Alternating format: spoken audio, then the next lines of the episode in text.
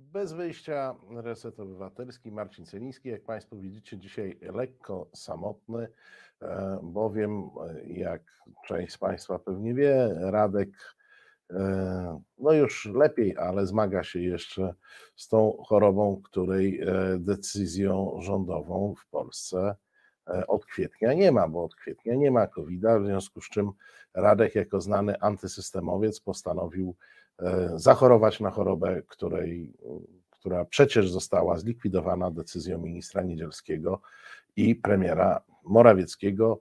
Radku, pozdrawiamy cię serdecznie, ale wstydź się, wstydź się. No jak mogłeś to panu ministrowi e, zrobić? Nie ma choroby, znaczy nie chorujemy. I do państwa też apeluję, nie chorujcie na choroby, których nie ma. COVID-u w Polsce nie ma, takie jest oficjalne stanowisko E, rządu i proponowałbym się tego e, stanowiska e, trzymać.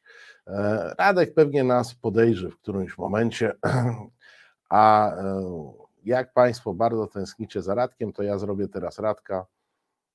Samotnie będę musiał z Wami rozmawiać. Tyle było robienia Radka.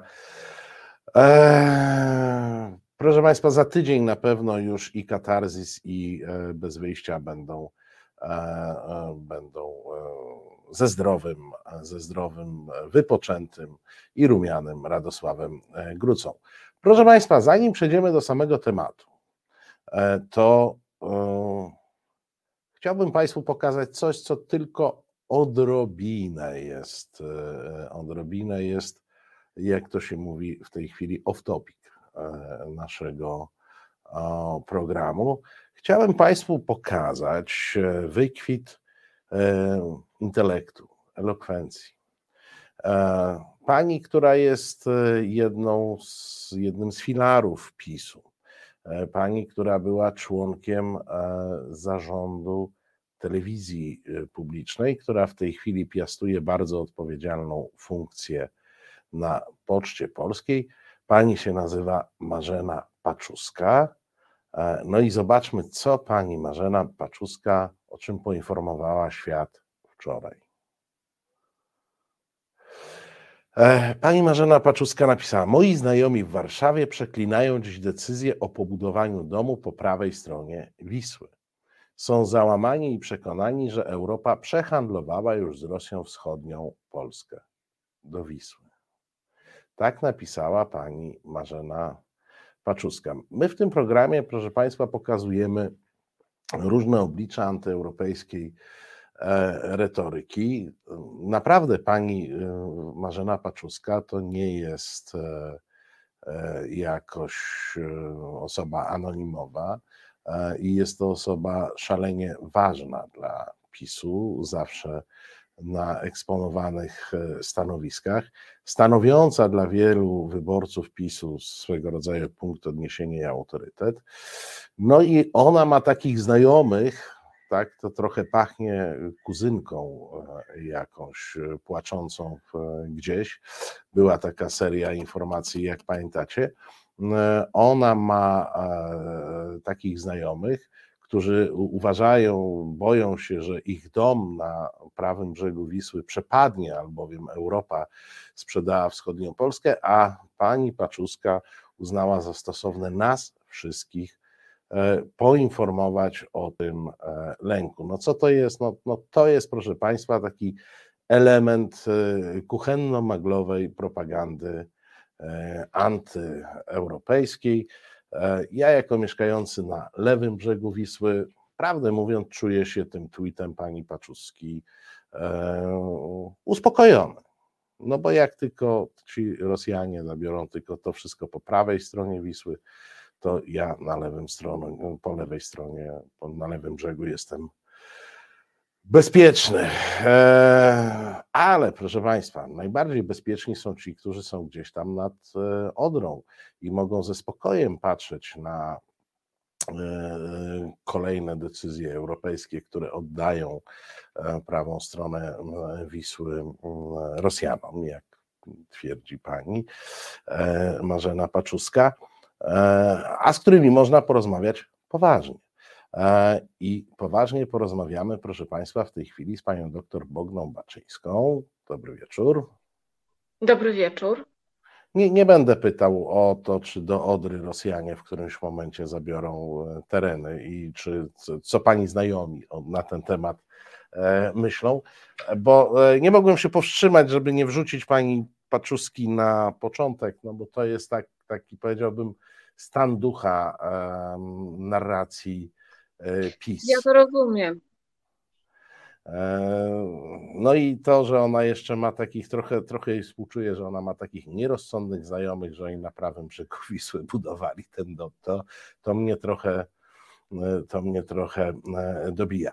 Ale spotka, spotykamy się dzisiaj, żeby porozmawiać na temat poważny. Wczoraj został opublikowany E, raport, raporty dotyczące stanu praworządności w krajach Unii Europejskiej. Nas oczywiście interesuje ten taki jeden raport, który dotyczy tego kraju, który na dziś jest do Bugu, a niedługo będzie do Wisły e, tylko, czyli Polski. No i czytam zalecenia z tego raportu. Jak pani pozwoli, szybciutko e, widzkom i widzom przybliżę oddzielenie funkcji ministra sprawiedliwości od funkcji prokuratora generalnego, zapewnienie funkcjonalnej niezależności prokuratury od rządu, wprowadzenie zasad dotyczących lobbingu, wprowadzenie ujednoliconego internetowego systemu oświadczeń majątkowych urzędników publicznych i parlamentarzystów, zapewnienie niezależnych i skutecznych dochodzeń i ścigania przestępstw, rozwiązanie problemu szerokiego zakresu immunitetów dla kadry kierowniczej najwyższego szczebla, powstrzymanie się od wprowadzania do systemu prawnego klauzul o bezkarności i rzetelność postępowania wobec osób sprawujących władzę na najwyższym szczeblu, zapewnienie przestrzegania sprawiedliwych, przejrzystych i niedyskryminacyjnych procedur przy przyznawaniu mediom licencji do prowadzenia działalności,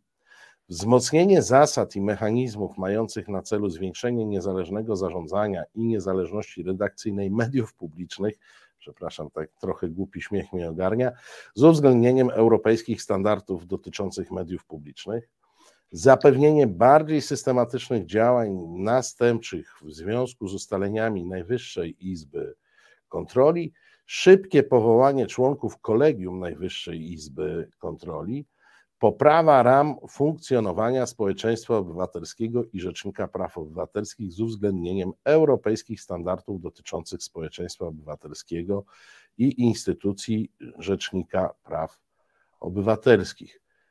Pani doktor, czyżbyśmy my tego wszystkiego nie mieli?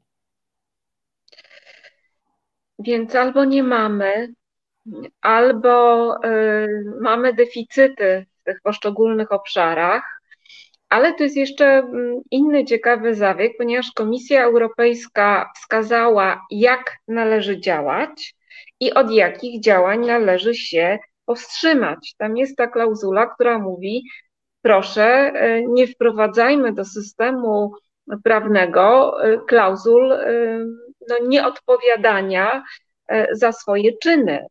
E, Czyli pomijanie odpowiedzialności. Oni po prostu uznają, że wszystkie nasze, nasze, no, nasz, no poniekąd nasze ustawy y, covidowe w kolejnych wersjach, y, które dopisywały bezkarność w przypadku przestępstw y, w stanie, uznając, że te covidowe to jest jakiś stan wyższej konieczności, to, to, to, to nie jest dobre. Tak oni uważają.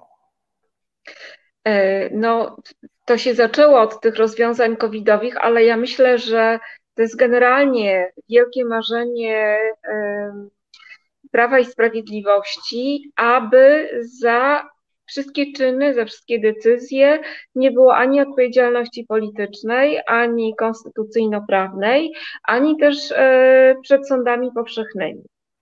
Ponieważ PiS wpadł na genialny pomysł, że e, no, tego nie będzie, bo oni zawsze będą wygrywać wybory, y, a starano się to zabezpieczyć nie tylko mm, wyborami, które nie są wolne, które nie do końca były powszechne, y, uskrzydlone Pegasusem y, i tak dalej, Mm, no ale starano się to zabezpieczyć też propagandą i wieloma innymi działaniami. W tej chwili wygląda na to, że jednak te nastroje społeczne są dla Prawa i Sprawiedliwości coraz gorsze. Co prawda, ten rozbrajający mm, program gospodarczy, czyli wystarczy nie kraść, został uzupełniony o bardzo istotne instrukcje, czyli zbierajmy chrust, jedzmy mniej, zaciskajmy zęby.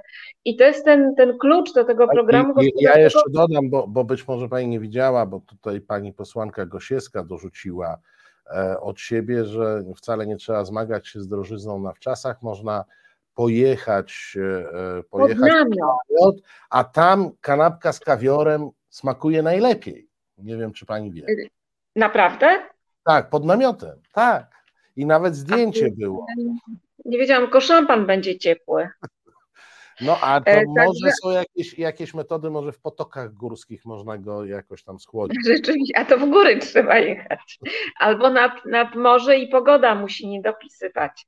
No, no rzeczywiście, jak gdzieś mi to mignęło z namiotem, ale, ale teraz bym zapomniała. E, więc wracając do tej kwestii bezkarności, PiS zbudował y, czy próbował wprowadzić wiele takich mechanizmów, które tu jednak były hamowane jako niezgodne z konstytucją, no i oddziaływał też tym, że jest ugrupowaniem zwycięskim, który ma patent na zwycięstwa, który nam daje, prawda, jesteśmy tego warci, tu 500 plus, tam 300 plus, tu 13 i 14 emerytura, no ale okazuje się jednak, że y, ten genialny pomysł nie wystarcza. Nie wystarcza oczywiście y, ani prezes Glapiński, ani rząd Prawa i Sprawiedliwości nie ponosi za to najmniejszej odpowiedzialności. To musimy sobie jasno powiedzieć. No to tak. jest sprawa jakiejś zgnilizny Zachodu, stamtąd przyszła ta pierwsza fala inflacji, wojna y, w Ukrainie atak e, Putina z, wyniósł tą inflację na jeszcze bardziej wyrafinowany pomysł i zamienił to w putinflację. Atak no, przymierzonego z Niemcami, dodajmy, żeby tu nie było wątpliwości. Bo no, tu, tu jest głębokie przymierze z Niemcami, a Niemcy, jak wiemy, nie rozliczyły się za drugą wojnę światową nawet moralnie. Nawet moralnie, tak, no słyszałem prezesa. No i okazuje się, że, że to wszystko nie wystarczy. Także. No ale wracam do, tej, e, do, tego, do tego raportu. To nie jest tak, że jesteśmy szczególnie zaskoczeni, no bo mniej więcej wiedzieliśmy, co w tym raporcie się znajdzie. Natomiast e, nasi e, rządzący w pierwszych komentarzach, oni zresztą od jakiegoś czasu mają tak, taki zwyczaj, że pierwsze komentarze idą z poziomu wiceministrów, potem dopiero myślę koło niedzieli. Wyrafinowanie wzrasta. Tak, no to, to mówią, że to jest bezczelność, że to jest ingerencja e, w suwerenność Polski e, i że to jest narzucanie nam e, norm, które są nam obce. E, czyli na przykład nie, nie, zapewnienie niezależnych i skutecznych dochodzeń i ścigania przestępstw to nie leży w naszej normie kulturowej. To ja teraz opowiem bardzo, bardzo poważnie, bo do tej pory sobie e, trochę rozmawialiśmy takim lżejszym tonem, ale ja muszę powiedzieć, ja się zaczęłam nad tym wszystkim zastanawiać i to, co jest dla mnie bardzo niepokojące, co jest takim naprawdę już, już bez żadnej ironii, bez nawet iskry humoru, e, czymś, co mnie no, wzburza, niepokoi, napawa mnie lękiem, to jest to, że władzę w Polsce sprawują ludzie, którzy uważają, że Unia Europejska, czyli organizacja, która powstała z woli państw, którym te, e, której te państwa nadały osobowość i kompetencje, nagle wyrośnie ponad Polskę. E, każda organizacja jest ograniczona statutem, czyli traktatem założycielskim, i w tym traktacie założycielskim państwa zawsze mówią, ile tej organizacji wolno zrobić i co powinna zrobić. Oczywiście Unia Europejska jest zupełnie nowatorską koncepcją, organizacją ponadnarodową, Tym niemniej to jest tylko organizacja międzynarodowa. To jest podmiot o wtórnej podmiotowości i w pełni zależny od państw. Jeżeli teraz mamy do czynienia z instytucją, z organizacją, która jest w pełni od naszej woli zależna i ona zaczyna nam zagrażać, i zagraża nam tak bardzo, że my się lękamy o naszą suwerenność, to dzieje się coś bardzo, bardzo złego. Albo ci, którzy sprawują władzę, nie mają kompetencji nie czytają traktatów, nie rozumieją ich, nie znają ani prawa międzynarodowego, ani unijnego, ani konstytucyjnego, gubią się w tym kompletnie. Albo al, lub, lub i wierzą w spiskową teorię dziejów.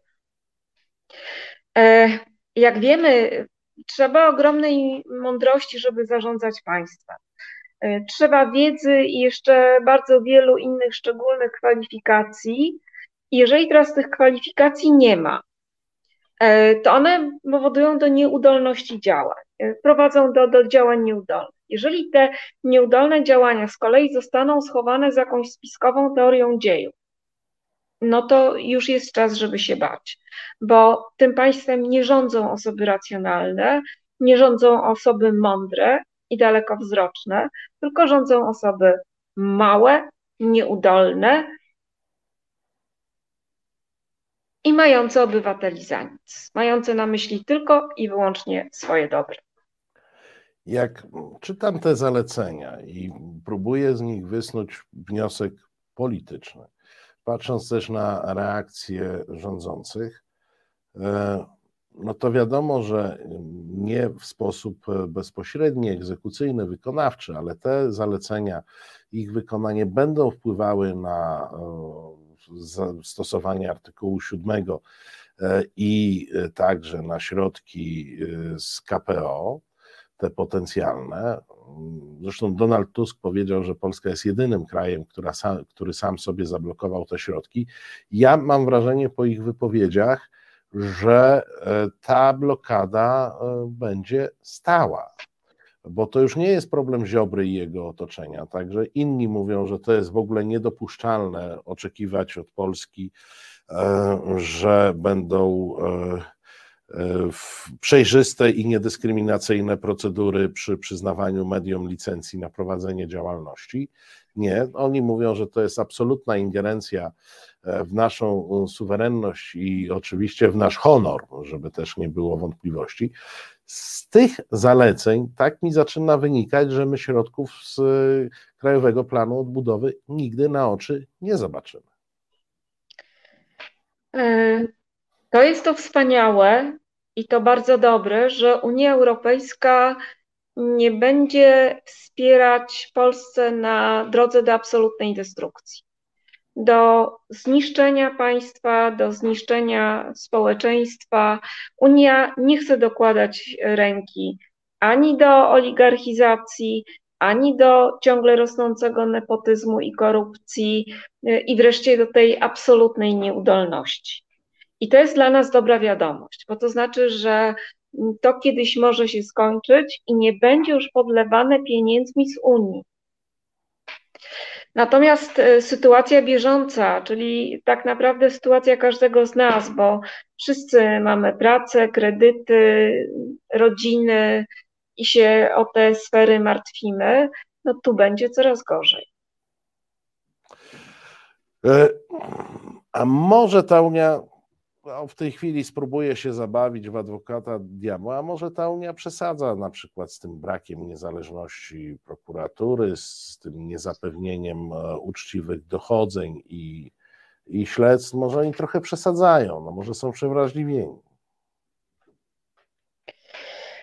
Ja muszę powiedzieć, że e, patrząc na Unię Europejską i te elementy trójpodziału władzy, które są wpisane ten, w ten system, bo tam nie ma zasady trójpodziału władzy jako takiej, ale Unia przyswoiła sobie ten mechanizm wspierania i hamulców, no to w komisji mamy do czynienia z, ja zawsze mówię, że to jest mózg Unii Europejskiej, z wybitnymi ekspertami, którzy są niezależni od woli państw członkowskich, którzy są bardzo sprawdzani pod kątem tego, czy zanim ktoś o nich pomyślał, e, jako o przyszłych komisarzach, czy oni wtedy byli niezależni.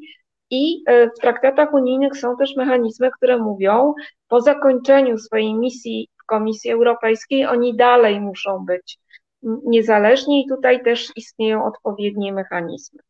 Więc e, no jest przynajmniej od tej strony formalnej zapewnione, zapewnione są takie gwarancje niezależności. Z drugiej strony Unia ma już 72 lata, e, to jest organi- przepraszam, 70 lat. To jest organizacja, która zaczęła się od Europejskiej Wspólnoty Węgla i Stali, to była jej prokursorka. No i mieć, mieć 70, 70 na karku to jest taki wiek słuszny. Mimo wielu kryzysów, mimo wielu trudności, mimo tego, że Unia jest konglomeratem różnych państw, o różnych systemach, o różnych religiach, o różnych konstytucjach, to jednak Unia trwa, rozwija się i jest coraz bardziej efektywna. Jednocześnie im więcej e, władzy dostaje Unia, im więcej e, sfer e, o, gramatycznie mi nie wyjdzie. Chciałam powiedzieć, że im e, większą ilością sfery zostawię, dziedzin się zajmuje, to tym bardziej wchodzą mechanizmy demokratyczne. Jak my sobie uświadomimy, że Parlament Europejski zaczynał jako delegacje państw członkowskich, czyli europosłowie nie, nie byli przedstawicielami narodu europejskiego czy społeczeństwa europejskiego. Ale powoli, powoli te mechanizmy wchodziły. To musimy powiedzieć, że jednak y, Unia jest takim, taką materią, która jest dalekowzroczna i która odpowiada wymogom i demokracji, i współczesności. No więc tu byłabym spokojna. Y, czy oni się za bardzo nas czepiają? Ja myślę, że za mało za małe. Już kiedyś mówiłam u Państwa o tym, że e, ja uważam Ursulę von der Leyen za jedną ze słabszych ogniw e, Komisji Europejskiej. I to, że teraz Wera Jurowa znowu ma taką większą prezencję, e, ona ten raport przedstawiała, ona wskazywała te uwagi wobec Polski, jest dla mnie znakiem bardzo dobrym. I ja się zastanawiam, czy jest w tej chwili taki szary obywatel, który mógłby powiedzieć, mnie to nie dotyczy. I wydaje mi się, że nie. Może prokuratura jeszcze go nie dotyczy. Może tłamszenie niezależności sądów tego obywatela jeszcze nie dotyczy. Ale cały szereg innych mechanizmów, y, które są złe, niedobre i y, no, kładą się cieniem na y, naszej demokracji dotyczą właściwie każdego. Także ja myślę, że o przesadzie nie możemy tu mówić. Inna sfera, która powinna być oddzielona, sfera sądownictwa i takiego dosyć ważnego sądu, który się nazywa Trybunał Konstytucyjny. E, dostaliśmy informację za pośrednictwem poufnej e, rozmowy, która nam rzuca różne informacje na różne tematy. E, zapewne pan minister Dworczyk kiedyś będzie miał jakiś taki duży rozdział w podręcznikach historii, bo się zasłużył e, szalenie, dając dostęp do Dla swojej. Opozycji. Słucham? Dla opozycji to są zasługi. Tak, tak, tak. No i przeczytaliśmy tam, że z Julią P z jakichś przyczyn tam oni używają e, inicjałów. E, rozmawia się o tym, e, jak mają wyglądać orzeczenia. Mm, ja zapytam trochę tak od strony prawnej, czy taka czynność, taka rozmowa mogłaby stanowić dowód w sprawie?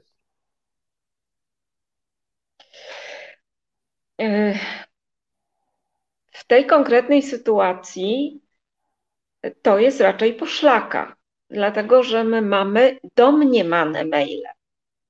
Domniemane, prawda? To mówi y, minister Dworczyk, to mówią przedstawiciele rządu.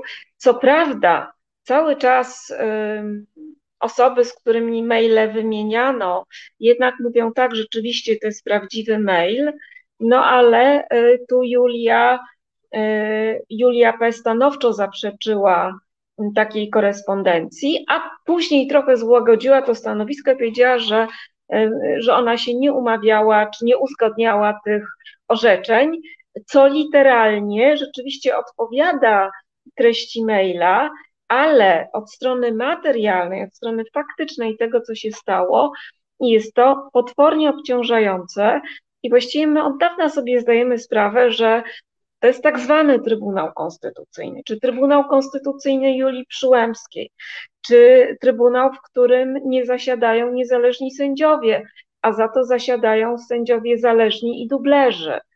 Więc. Y, Pani doktor, ale oddajmy na chwilę głos Julii P. Julia P. udzieliła e, wywiadu tygodnikowi Braci Kremlowskich. To jest ten sam tygodnik, który, e, któremu wywiadu udzielił ambasador Rosji tydzień po wybuchu kolejnej odsłony konfliktu E, rosyjsko-ukraińskiego napaści Putina na Ukrainę. To tylko, żebyście Państwo zlokalizowali, e, e, o jakie medium chodzi. Mm, pytanie oczywiście zaczepne ze strony dociekliwego redaktora Karnowskiego. Na podstawie tego maila opozycja stawia jednak zarzut orzeczeń na zamówienie. I teraz odpowiedź pani Julii P. To są totalne bzdury. Pamiętajmy też, że mówimy o mailach, co do których autentyczności nie mamy żadnego e, e, potwierdzenia. Co Mówiłam. To, co, co, co za, no, ale to zaraz. Mówiłam. Ale nawet z tego umiarkowanie dociekliwego pytania, przecież pan e, Karnowski nie pytał, czy te maile są prawdziwe, czy nieprawdziwe. E, on pytał przede wszystkim o proceder. To prawdziwość tego maila jest wtórna jakkolwiek. E, oczywiście wszyscy w Polsce z ostrożności procesowej piszą domniemane maile Dworczyka, e, mając pełną świadomość, że one są jak do tej pory. Żaden nie został zmanipulowany ani e, przekręcony, i my to po prostu wiemy, że to jest autentyczna korespondencja czołówki rządu, te, takiego ścisłego kręgu wokół, wokół premiera. Mm, Także misja negocjacji z Julią P. i efekt negocjacji z Julią P. ma, e, jest opisany ogólnikowo, ale jednak jest. No, e, jeżeli chce Pan ode mnie tłumaczenia e, tego, co powiedziała, co powiedziała Pani Julia na język bardziej kolokwialny, to Julia P. powiedziała: Za mało na mnie macie. A, no tak. Tak, o, i o to mi chodziło, o wytłumaczenie, o wytłumaczenie e, tej sytuacji. Tak, zawiłego, prawniczego języka i tego wyrafinowania e, pani Julii Przyłębskiej, tej troski o praworządność, o zachowanie standardów konstytucyjnych. E, to miał pan na myśli, prawda? Tak, tak, tak. O to, tak. Mi, o to, o to mi chodziło. Czy Widzi Pani taką możliwość, bo e, jest mowa cały czas, to znaczy ta taka łagodniejsza część PiSu, czy raczej publicystyki okołopisowskiej, mówi, że dojdzie do jakiejś ugody z Unią Europejską. Ja mam wrażenie po tym raporcie, że tutaj pole do negocjacji takiej ugody się szalenie skróciło. O ile jeszcze w ubiegłym roku można było mówić, że tam warunkami takimi brzegowymi postawionymi Morawieckiemu, kiedy jeździł do Brukseli, było mm, e, przywrócenie sędziów e, do pracy i e, zmiana systemu KRS, to w tej chwili no, tutaj. likwidacja Izby Dyscyplinarnej. Tak, tak, tak, tak. No to, to, to, to, więc to, to było, to wyglądało jeszcze jakoś w miarę prosto. Pojawił się projekt prezydencki, który tam. Ale też symbolicznie. Powiedzmy sobie, że to nie były wielkie wymogi. To nie były, naprawdę. Zlikwidowanie Izby Dyscyplinarnej nie jest jakimś wielkim poświęceniem nawet ze strony tego rządu. No właśnie, a w tej chwili mamy przedstawioną listę poważnych grzechów i mam wrażenie, że te działa są dużo większe niż były w ubiegłym roku. Gdzie tu jest pole do kompromisu? No, no nie wiem, czy można. Znowu wrócę do, do tych punktów, które, które zostały. Czy, czy można na przykład trochę powstrzymać się od wprowadzania do systemu prawnego klauzul o bezkarności? No, albo one są, albo ich nie ma, prawda? Tu, tu, tu, gdzie tu jest pole negocjacji? No, powiedział Pan bardzo ważną rzecz, a mianowicie, że te warunki nie są stopniowalne. Albo inaczej mówiąc, w tym raporcie i przy tych wskazówkach, e, które zostały Polsce udzielone, no to są takie bardziej ogólne, na przykład dotyczące lobbingu. Natomiast te, które dotyczą wymiaru sprawiedliwości i tej sfery no, związanej z sądownictwem i z obywatelami, one są już bardzo konkretne. Tak? Powstrzymanie się od wprowadzania klauzul o bezkarności, no to jest y, sprawa i bardzo konkretna, i również bardzo prosta do zrobienia. Pamiętajmy, że traktaty mają taką formułę. Tam jest taki moment, kiedy jest mowa o zasadzie lojalnej współpracy, która jest elementem zasady efektywności. I tam jest mowa, należy podejmować działania ogólne albo szczególne. Zależy, czego sytuacja wymaga. Należy działać lub działań w ogóle zaniechać. Więc tak naprawdę te y, niektóre wymogi y, są bardzo precyzyjne i są też bezwarunkowe.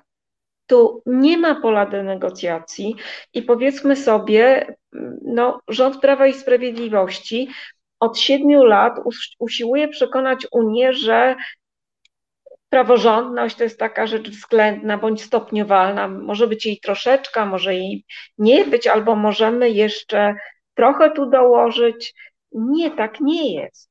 Unia jest oparta na bardzo trwałych fundamentach.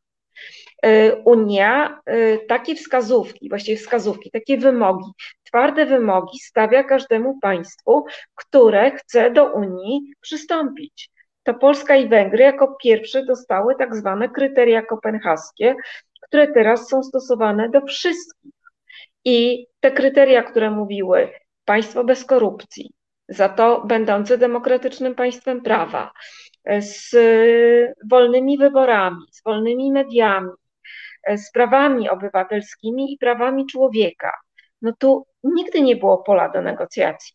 Jak ja sobie przypomnę ten okres, kiedy Polska się przygotowywała do członkostwa, to było związane naprawdę czasami z bardzo trudnymi reformami, z wprowadzeniem bardzo ostrych wymogów. I y, patrząc na, y, na to od strony społecznej, na to, jak myśmy wychodzili z tej spuścizny PRL-u, gdzie oszukać państwo, czy pokazać się od takiej cwaniackiej strony, to było coś fajnego, właściwego, obywatelskiego. Nagle przeszliśmy do twardej walki z korupcją, bo to był wyrok i unijny, i Rady Europy, no to nie wszyscy od razu um, zrozumieli, skąd ten wiatr wieje. I nie od razu się do tych, y, do tych zmian dostosowali. I no to, było, y, to była taka ingerencja w tkankę społeczną. My do tej pory, Polacy, mamy coś takiego, że oszukać państwo to jest coś fajnego. Część z nas, ale, no, ale część już jest dobra, lepiej. Ale, ale to na bardzo fajną ścieżkę żeśmy wpadli. A jak teraz opisać i zinterpretować to, że mm, rząd chce oszukiwać państwo?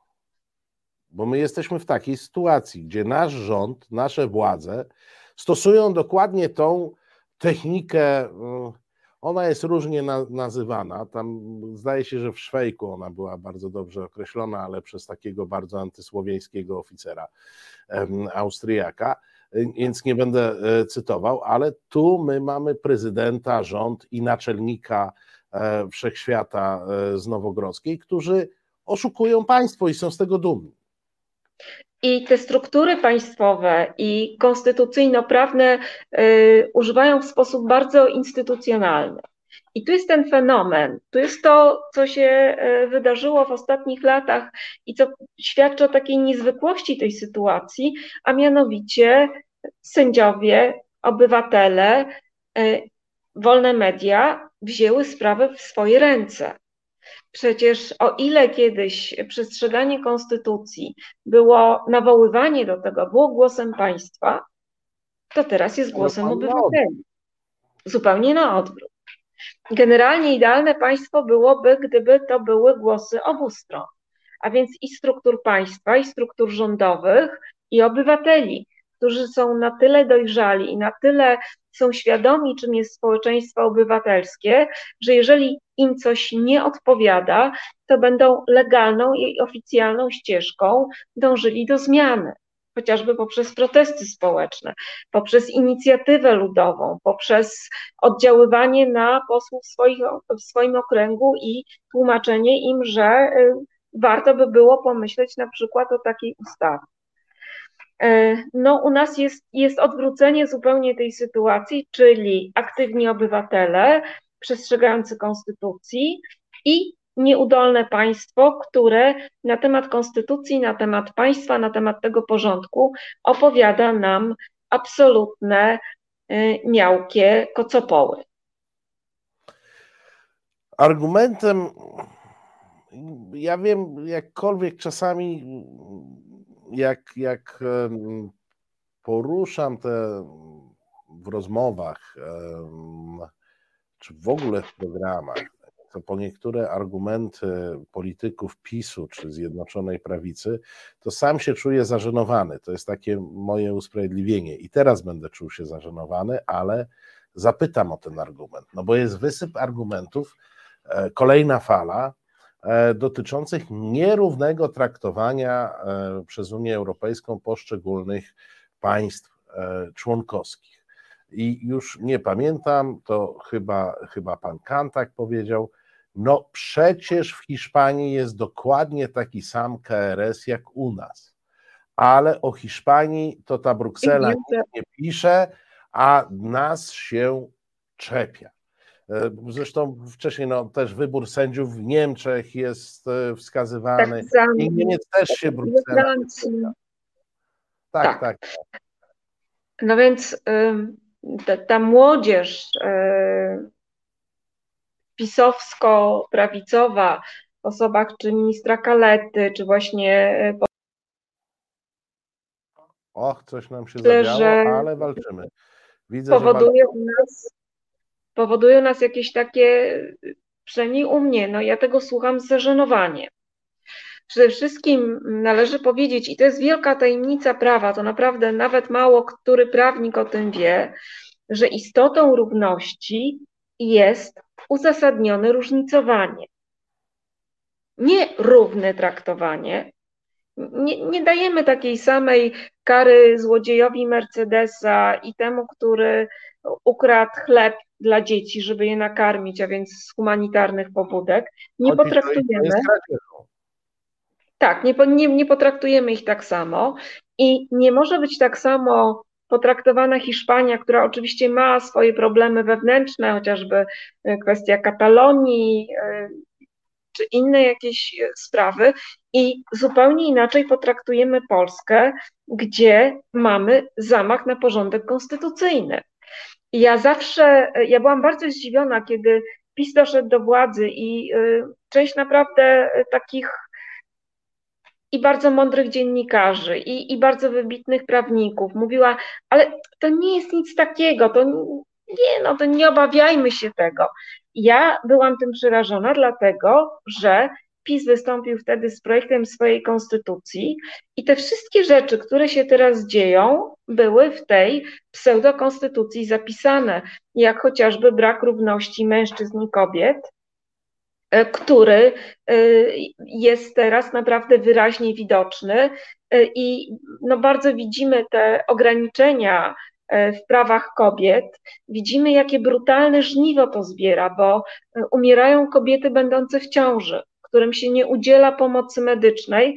Mamy szpital, który nie udzielił odpowiedniej pomocy, za to posługuje się opinią Ordo Juris. No przecież to jest jakieś szaleństwo, nie można sobie wziąć wziąć, przepraszam, opinii prywatnej organizacji i się do niej kierować, ponieważ y, medycyną, szpitalami i tak dalej, przede wszystkim y, tym wszystkim przede wszystkim kieruje prawo powszechnie obowiązujące i dobro pacjentów. Więc y, to nie jest tak, że to jest realizowane przypadkowo. To jest realizowane z, od początku z dokładnie takim planem.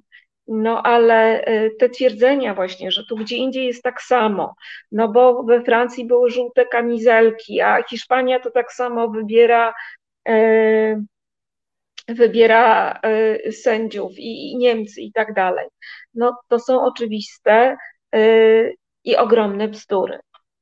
I Unia Europejska robi to, co powinna robić, dbając o zasady równości, stosuje dla Polski i wobec Polski odpowiednie kryteria. Nikt nie zapaskudził swojego systemu prawnego tak jak Polska w tej chwili. To pytanie często się powtarza, no bo jakby nie mamy wątpliwości co do e, diagnozy tego stanu, w, w jakim jesteśmy. Natomiast jest zasadnicze pytanie, jak z tego wszystkiego moglibyśmy wyjść, jednocześnie nie stosując, bo ja oceniam tę sytuację, zresztą nie tylko ja, więc ja nie, nie, wygłoszę szczególnie oryginalnej opinii. Ja pamiętam ten projekt konstytucji, on zniknął e, ze stron PiSu, ja go sobie jeszcze zarchiwizowałem, więc jakby ktoś chciał, to to ja to mam, bo tak podejrzewałem. To ja poproszę, bo mi ktoś zabrał. Ja prześlę, mam, mam i to nawet w, w kilku formatach sobie zapisałem, żeby, e, e, żeby nie było wątpliwości e, i żebym nie miał problemów z odnalezieniem. On sobie zniknął jakoś bardzo szybko, natomiast faktycznie jest tak, no i właśnie tu się zaczął ten proceder. PiS, nie zmieniając konstytucji, de facto zmienia ustrój, ustawami, które nie są zgodne z konstytucją, czy w ogóle zmieniają normę konstytucyjną, no ale ponieważ ma sąd konstytucyjny po swojej stronie, czyli Trybunał Julii P., no to, to, to nie jest problem.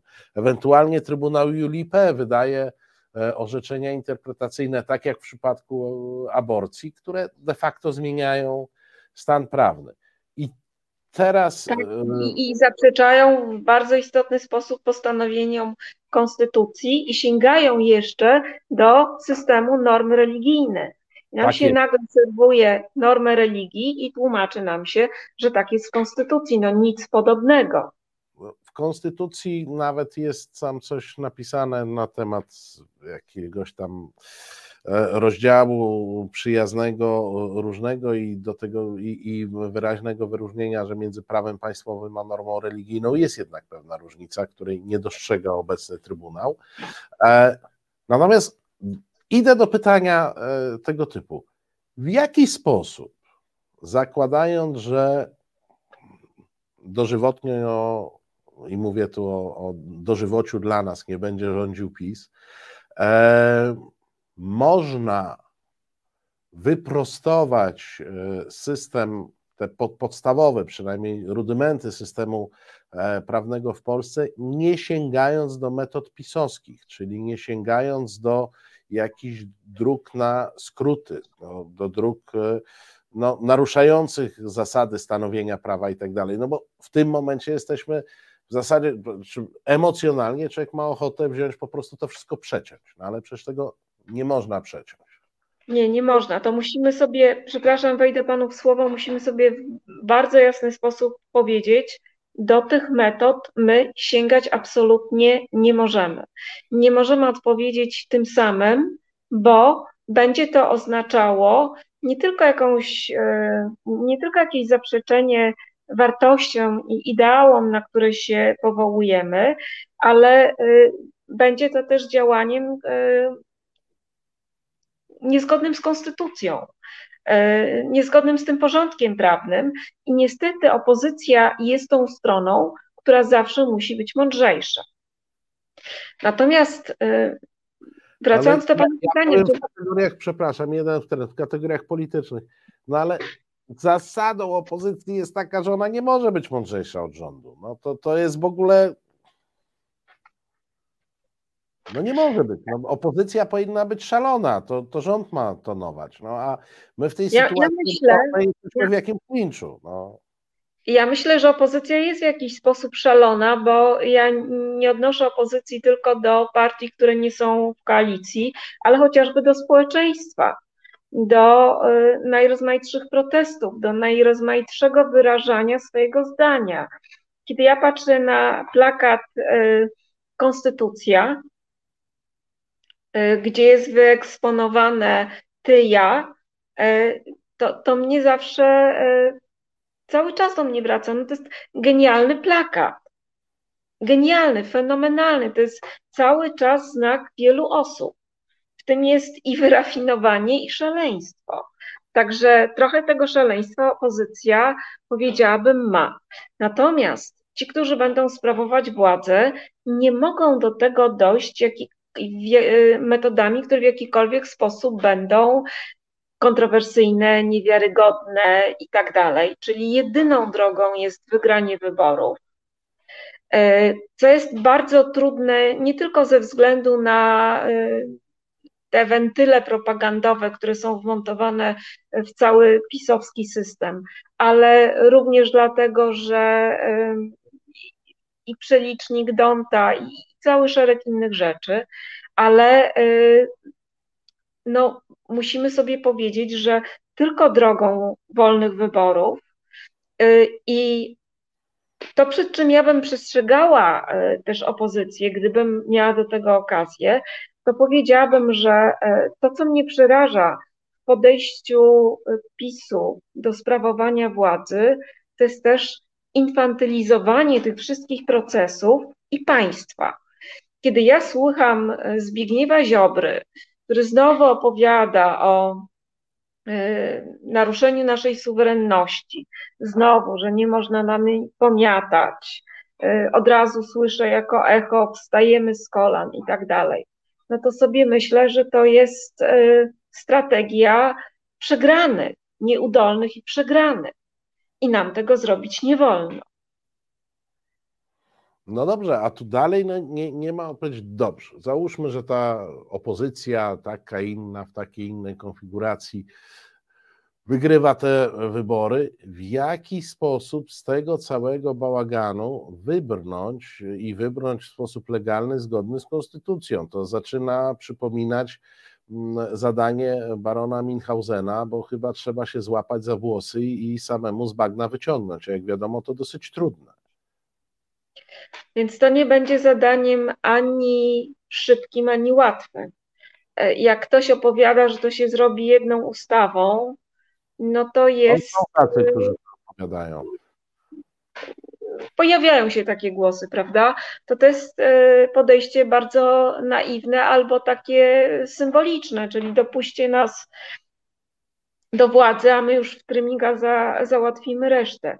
To nie będzie ani łatwe, ani szybkie. Nie da się tego zrobić jednym aktem prawnym, ale pamiętajmy, y, konstytucja i chyba żadna konstytucja nie ma mechanizmu, który mówi, co zrobić po zamachu stanu. Nie ma czegoś takiego. E, my musimy znaleźć jakieś nowe ścieżki, nowe drogi.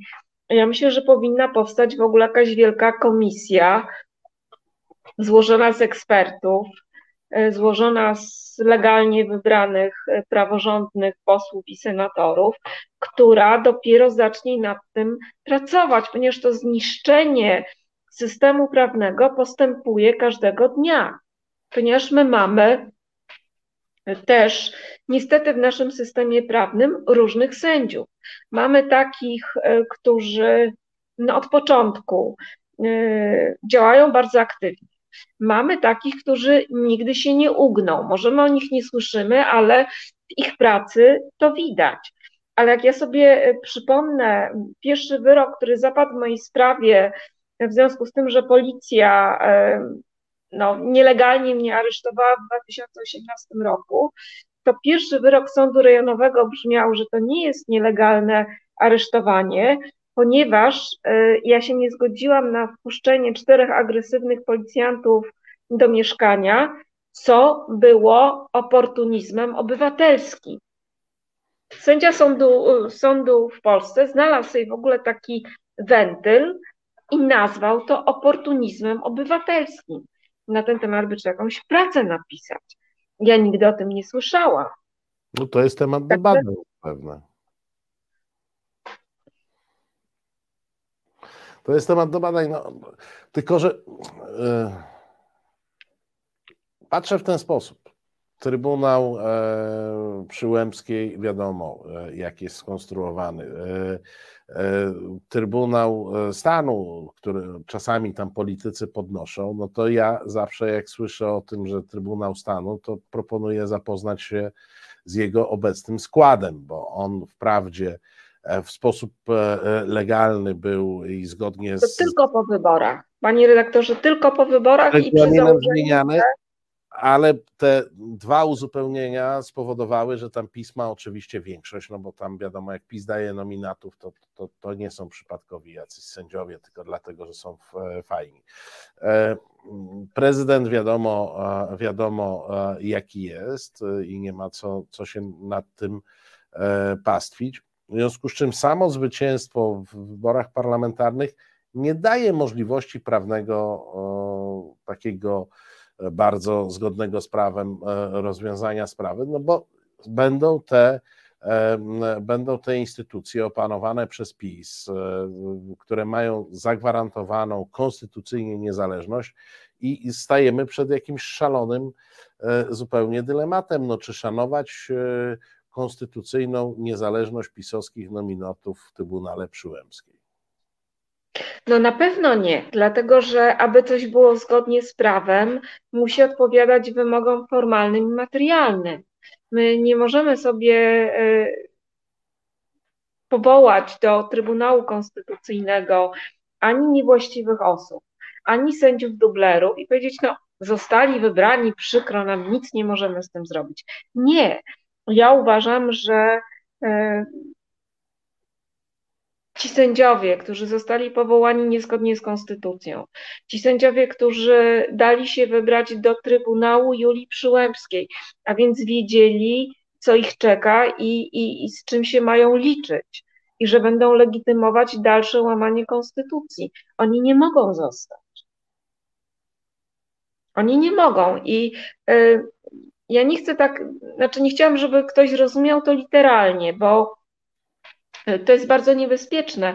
Ja nie chcę porównać Polski do nazistowskich Niemiec, ale chcę powiedzieć o czymś innym, że e, kiedy Niemcy upadły, ogłosiły bezwarunkową kapitulację i kiedy e, Europa, Stany Zjednoczone były świadome tego, że te wszystkie zbrodnie trzeba rozliczyć, i jednocześnie wszyscy byli świadomi tego, że nie ma aktu prawnego, na podstawie którego można to rozliczyć. To sięgnięto do praw naturalnych, czyli do, do tych praw, które wynikają z przyrodzonej godności człowieka.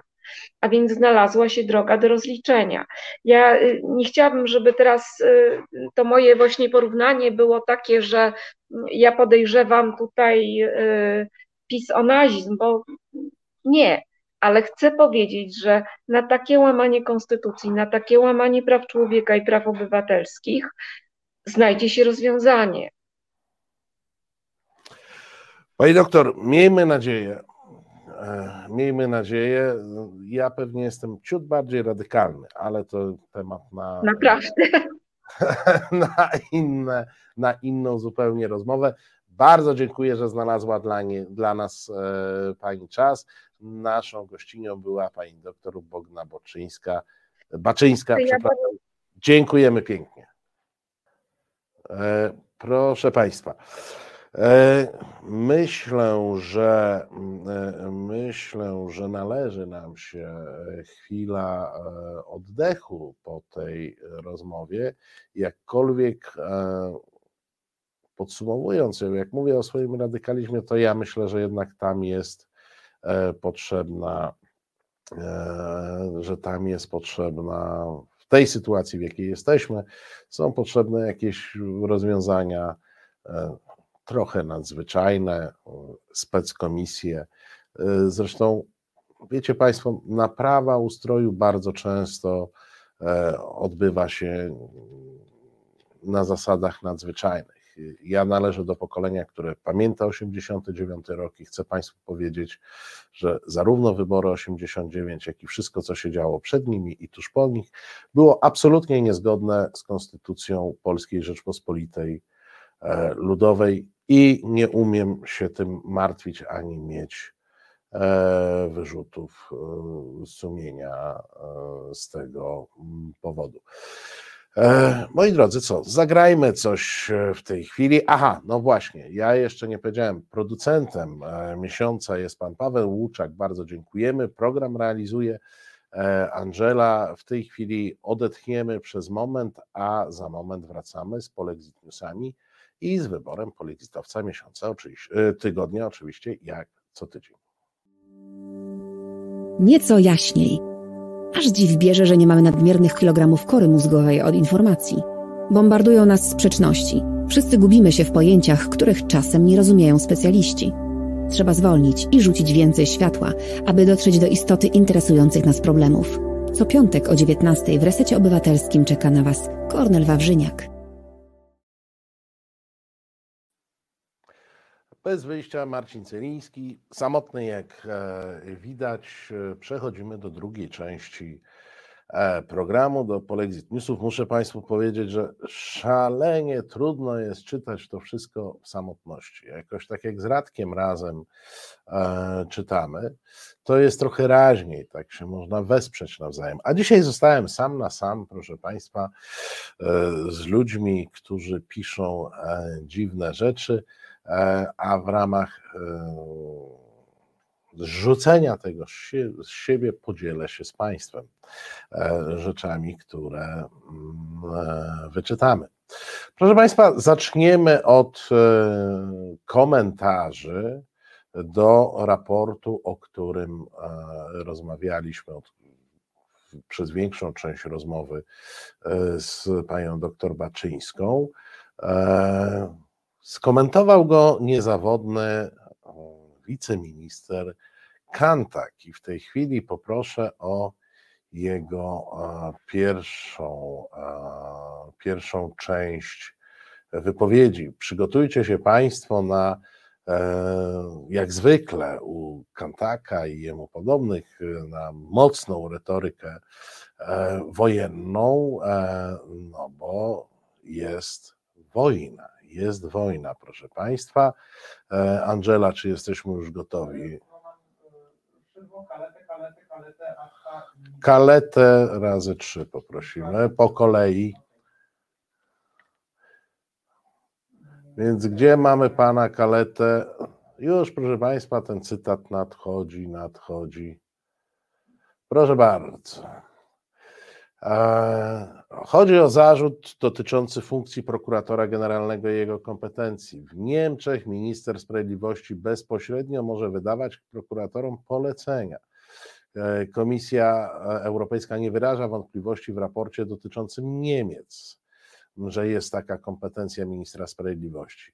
Proszę Państwa, a wyobraźcie sobie, że w Niemczech, i tu nawiązuję do słów dr Baczyńskiej, Ministrem Sprawiedliwości jest Ziobro. Ma Fundusz Sprawiedliwości i ręcznie steruje e, e, prokuratorami. Zaręczam Wam, że byłoby e, to odnotowane w raporcie na temat Niemiec. Problem e, polega na tym, e, problem polega na tym, że reaguje się na negatywne zjawiska w danym kraju, tu i teraz. No właśnie, znowu te Niemcy. Proszę Państwa, Niemcy się będą przewijać jak zawsze w tym programie, bo Niemcy, jak wiadomo, napadły na Ukrainę e, w, zupełnie niedawno i jeszcze chcą oddać tereny za Wisłą e, Rosji. Tacy ci Niemcy są e, zdaniem, zdaniem polskich rządzących. W Hiszpanii mają taki sam KRS, jaki mamy w Polsce. Myślicie Państwo, że Komisja Europejska straszy Hiszpanów odebraniem e, funduszy, jak to robi wobec Polski? E, proszę Państwa, zauważcie, że ostatnim zdaniem, ostatnim zdaniem e, pan minister Kantak sam trochę sobie podstawia nogę. Komisja Europejska wyraża ubolewanie, że Hiszpanie w swojej procedurze nie wybrali członków KRS, bo tam jest konflikt w parlamencie. Czy wyobrażacie sobie Państwo jakiś konflikt w parlamencie polskim, który doprowadziłby do niewybrania członków KRS? Nie ma takiego konfliktu, bo po prostu PiS kupiłby sobie sześciu posłów e, z planktonu i tak jak to zrobił, i wybrałby do tego KRS-u. E, zatem mm, cały czas jesteśmy w porównywaniu rzeczy nieporównywalnych, a do tego wszystkiego, proszę Państwa, mamy sytuację, w której jest kwestia całego systemu.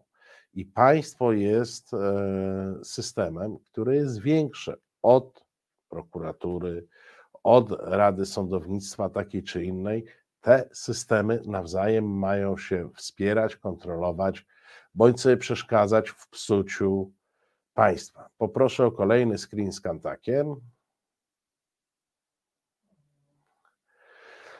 Dla mnie jest to po prostu coś absolutnie skandalicznego i dramatycznego. Jeszcze niech ta pani, to, to chodzi o Werę Jurową, e, nakaże nam chodzić w jakichś tęczowych sukienkach i garniturach poziom absurdu e, e, osiąga już poziomy maksymalne, poziom poziomy, ale to jest cytat.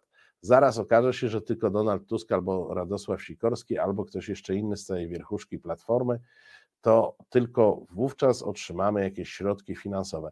Zauważcie Państwo, że przy tym wszystkim, przy tej retoryce wojennej jest jakaś taka zawsze w wypowiedziach jednego z, ze słynnego tercetu kakao.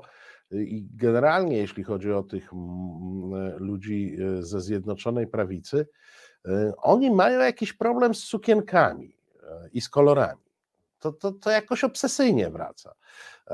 Pan Kantak boi się, że ktoś mu każe chodzić w tęczowych kolorach. Przecież to by mu nie pomogło. My i tak wiemy, że pan Kantak jest bardzo szary w co by się nie ubrał. Nawet jakby się ubrał w tęczową sukienkę, ta szarość by z niego po prostu e, wylazła i przykryła tę e, sukienkę. E, no ma chłop jakiś problem z ubiorem najwyraźniej. Ale zobaczmy, co jeszcze pan Kantak mądrego powiedział. Treść raportu stworzonego przez Jurową najlepiej świadczy o tym, że Unia Europejska wymaga głębokiej reformy. Jeśli uda nam się pokonać wspólnymi siłami Sowietów na Ukrainie i nastąpią spokojne czasy, to naprawdę trzeba zacząć zastanawiać się, w jaki sposób Unia Europejska ma wyglądać także pod względem instytucjonalnym, e, pod względem zarządzania. To, co się w tej chwili dzieje, to jest coś absolutnie ohydnego. Proszę Państwa, nie wiem, jaki jest udział e, pana Kantaka w wojnie e, rosyjsko-ukraińskiej. Obawiam się, że mizerny. E, więc skąd jego twierdzenie, że on wspólnymi siłami pokona Sowietów na Ukrainie? Tu dopytałbym pana Kantaka, gdybym z, z, miał okazję z nim e, rozmawiać. E, na pewno byłbym porażony jego bohaterstwem i wkładem w te wspólne siły. Natomiast zauważcie Państwo, to jest coś, co się zaczyna e, pojawiać. Powiedział o tym także ostatnio kilkukrotnie sam pan prezes Kaczyński. Otóż PiS zapowiada, że weźmie się za reformę Unii e, Europejskiej. E, no, proszę Państwa, gdyby oni jeszcze cokolwiek umieli, ci ludzie o dwóch lewych rękach e, i rozumku nie za wielkim, to bym się zaczął martwić o Unię Europejską. Na szczęście wiem, na szczęście wiem i Państwa też zapewniam, że nie zreformują tej Unii Europejskiej. Nie. Natomiast e, i, i, oni też wiedzą, że e, nie mają nic w tej sprawie e, do powiedzenia, ale kluczowe jest to ostatnie zdanie. To, że Unia Europejska jest ohydna dla pana Kantaka i to, że należałoby ją natychmiast zmieniać, bo PiSowi ona nie odpowiada, to to jest ten przekaz, który idzie do wyznawców. I jeśli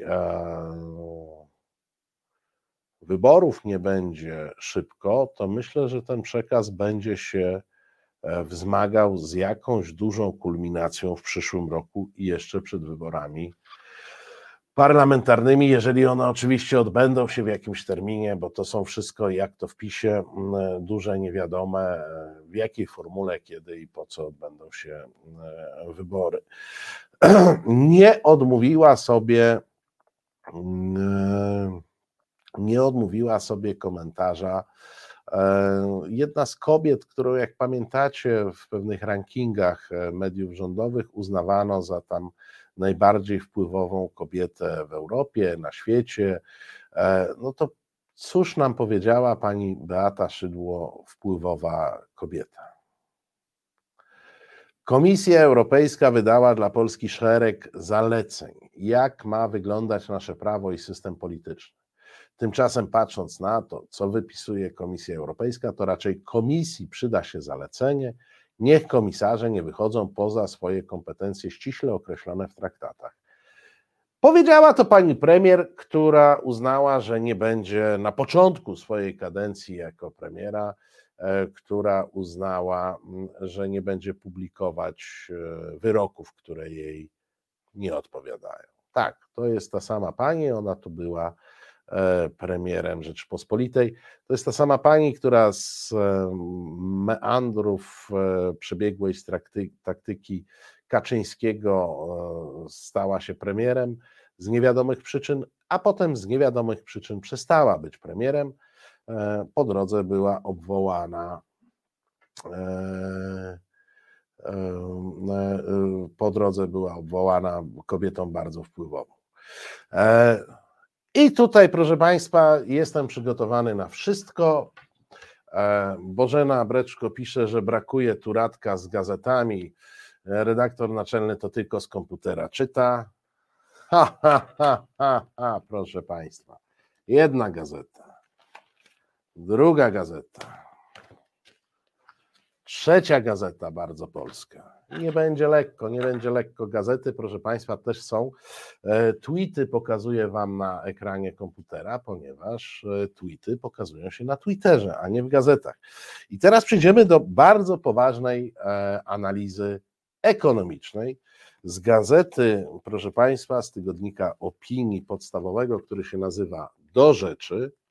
Możemy już zdjąć ten screen. E, tak, to, to wygląda, tak wygląda tygodnik e, opinii.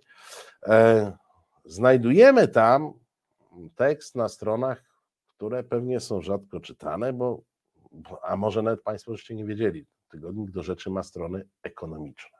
Tak się przynajmniej e, nazywają. I na stronach ekonomicznych dostajemy tekst e, autorstwa Tomasza Cukiernika, E, tekst e, zatytułowany e, Dlaczego nie brać dotacji? Chodzi oczywiście o dotacje z Unii Europejskiej.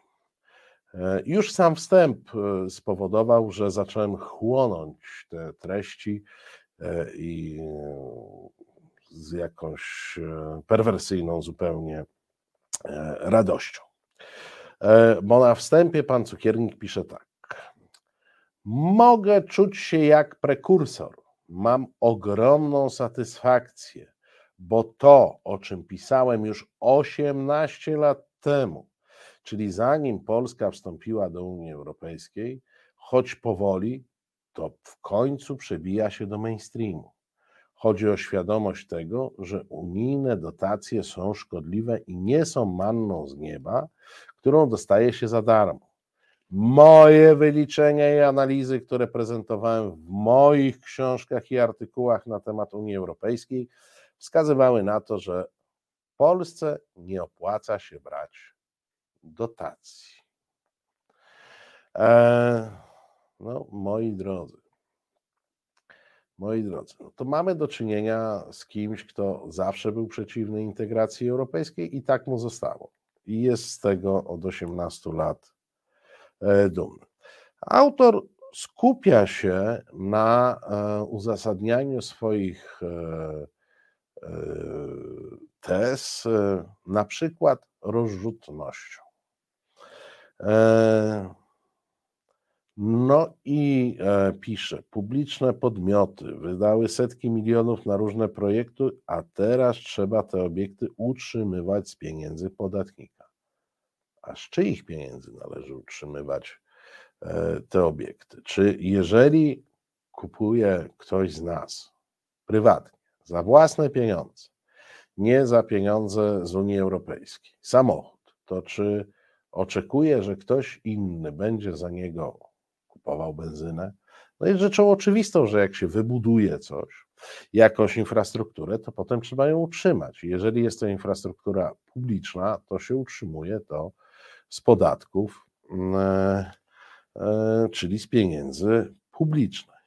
I teraz pan cukiernik pisze, zamiast wspierać budowę dobrobytu, obiekty te obciążają gospodarkę. Czyli proszę Państwa, jeżeli budujemy autostrady, centra kultury, szkoły, przedszkola, to to jest kompletnie bez sensu, bo wydajemy pieniądze na obiekty, które potem trzeba utrzymywać, E, w takich przedszkolach zatrudniać jakichś ludzi, jakieś dzieci tam e, zaopiekować, przepraszam za brzydkie słowo, e, a przecież moglibyśmy wydać te pieniądze na dobrobyt. Może Państwo mają jakąś tezę, jak ten dobrobyt powinien wyglądać, jeżeli, jeżeli rezygnujemy z tego typu inwestycji. No jako e, klasycznie nietrafione projekty e, to jest Opera i Filharmonia Podlaska, lotnisko w Łodzi czy lotnisko w Świdniku. Ja, proszę Państwa, dosyć często e, krytykuję tę lotniskową, szczególnie Manię, natomiast mam pewien problem z krytykowaniem inwestycji E, w centra kultury, w teatry, operę i filharmonię, bo ja uważam, że w Polsce jest ich za mało. E, w Polsce nie dorobiliśmy żadnego pana Carnegie, który by zbudował Carnegie Hall, e, w związku z czym buduje to państwo. No i właśnie, Małpiak słusznie zauważa, nie znajdziemy w tym tekście krytyki e, Centralnego Portu Komunikacyjnego. Jakoś tak się, jakoś tak się e, składa. Muzeum Śląskie w Katowicach. Proszę Państwa, zdaniem pana cukiernika, e, fatalny pomysł. Hala widowiskowa w Bielsku Białej, Galeria Sztuki Współczesnej w Szeladzi, Aquapark w Suwałkach, Filharmonia w Kielcach i tym podobne. To jest cała taka lista, którą pan Cukiernik uważa. Ja Państwu powiem tak, są oczywiście, e, to trzeba sobie e, uczciwie powiedzieć, są czasami inwestycje e, wynikające, które jakby są mało uzasadnione, kosztowne i świecą pustkami. Te lotniska pewnie tak wyglądają. Nie wiem, jak tam te hale w Suwałkach i tym podobne. Tylko, że proszę Państwa, to nie Unia Europejska decyduje, czy my budujemy lotnisko, akwapark czy cokolwiek innego, tylko decydowały najczęściej społeczności lokalne, czyli samorządy. Więc jeżeli do kogoś trzeba mieć pretensje, to do tego, że do, do samorządu, który zdecydował, że jest potrzebne Muzeum Sztuki Współczesnej albo akwapark. E, ale winna jest Unia. Nie. Pa, pana cukiernika, on już 18 lat temu wiedział, że mm, e, e, będzie Unia. No, Piotr Strychalski pyta, Muzeum Śląskie skrytykował, a był, widział. Nie wiem, czy był i widział, ale uważa, że jest za drogie. Tak po prostu. I za drogo, za drogo mm, e, zostało, a za drogie w utrzymaniu, tak?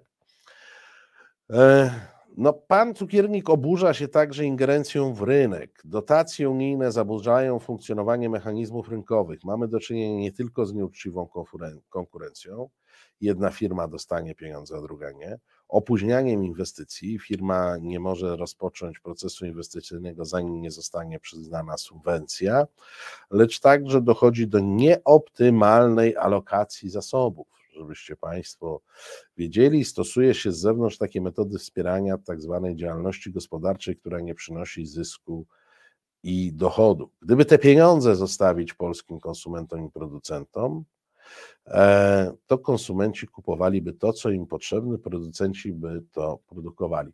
No, wiecie Państwo, mamy do, do czynienia tu mm, z jakimś e, korwinistą, który mm, uważa, że E, wydatki na kulturę są niepotrzebne, na komunikację są niepotrzebne, bo jak będziemy mieli e, e, dużo tych pieniędzy, to nie będziemy sobie budować dróg, bo wszyscy będziemy latać helikopterami. Przecież to oczywiste.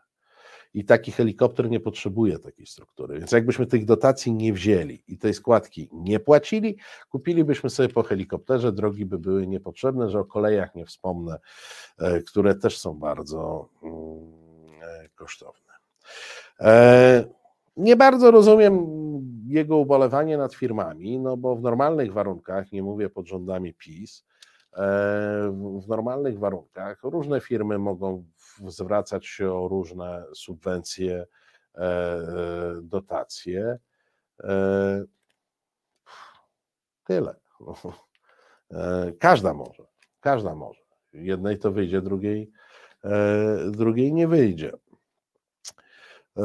Fundusze unijne oznaczają przesunięcie decyzyjności w gospodarce z sektora prywatnego na urzędnika. W rezultacie politycy i biurokracja mają większy udział w funkcjonowaniu kraju.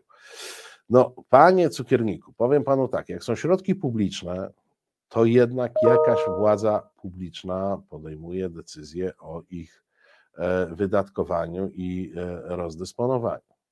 Przepraszam, ale tak jest. E, to nie jest, to nie jest, proszę Państwa, to nie jest, proszę Państwa, tak, że my sobie e, środki publiczne rzucimy o tako i niech ktoś łapie, albo zlikwidujemy w ogóle środki, środki publiczne. Ja, wiecie Państwo, tak miotam się pomiędzy wykpieniem tego, e, co tutaj na, naprawdę na wielu stronach e, pan Cukiernik napisał, a, a jakimś poważnym wejściem w spór. No bo tak naprawdę to, z czym walczy pan Cukiernik w tym tekście, to nie jest Unia Europejska, tylko to jest sektor publiczny jako taki i inwestycje w infrastrukturę, e, która będzie infrastrukturą publiczną typu muzea, e, która nie powstanie ze środków e, prywatnych w kraju takim jak Polski. No Polska. Jeszcze raz powtarzam, nie dorobiliśmy się swoich Carnegie, Fordów czy innych Kennedy, którzy zakładali duże fundacje, które E, budowały teatry, budowały opery i, i tym podobne e, rzeczy.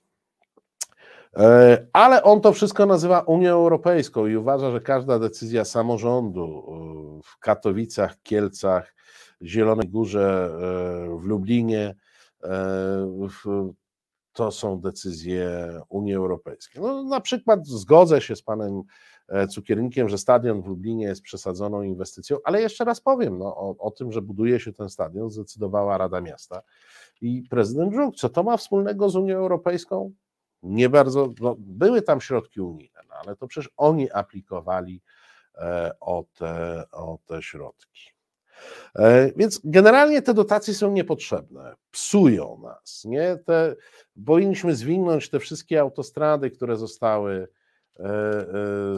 zbudowane za środki unijne, bo one są zupełnie niepotrzebne. Sami Państwo wiecie, powinniśmy e, zlikwidować wszystkie zmodernizowane linie kolejowe, etc., etc., całą infrastrukturę.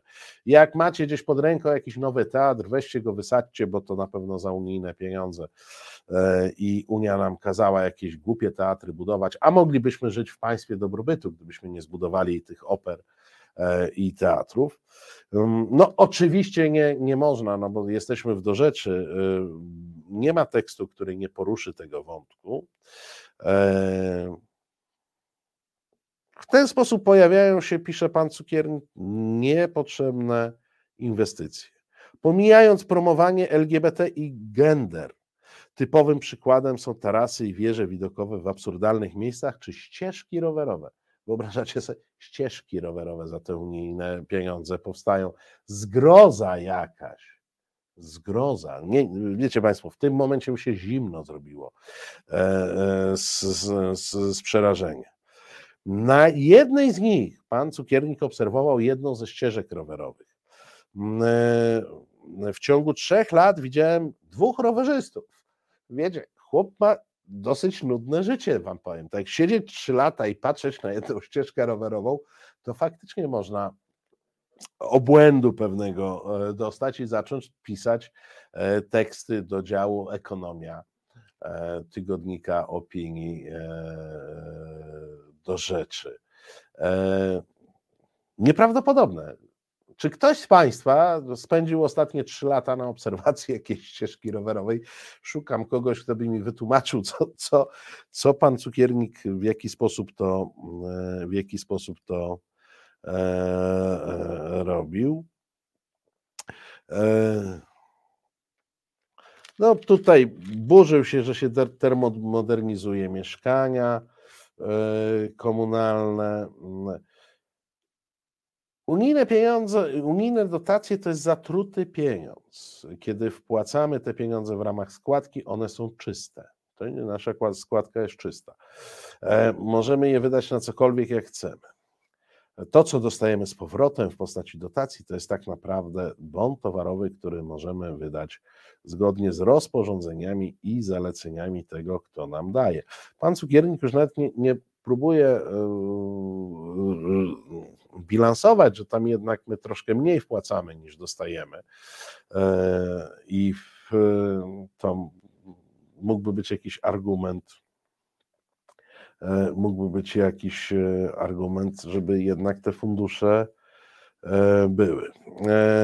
No i uważajcie, odkrywcze będzie, fundusze Unii Europejskiej wzięły się z powietrza, nie wzięły się z powietrza.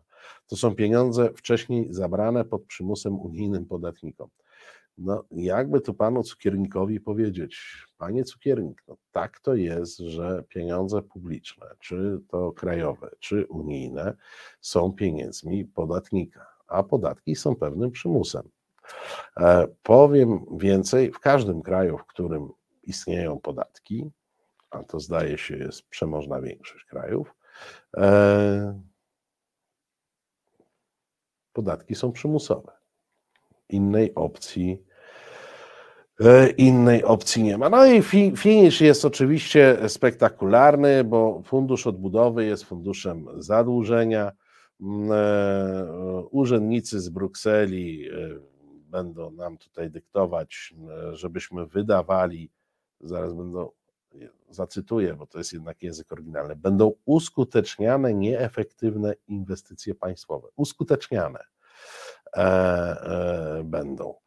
E, banksterzy nie będą musieli zbyt długo namawiać eurokratów na stworzenie funduszu odbudowy. Korzyści są dla tych niedobrych e, banksterów. Stymulacja i wzrost wydawania pieniędzy publicznych nie są właściwą drogą odbudowy gospodarki. Najlepiej się odbudowuje gospodarkę bez pieniędzy. Tak należy e, rozumieć.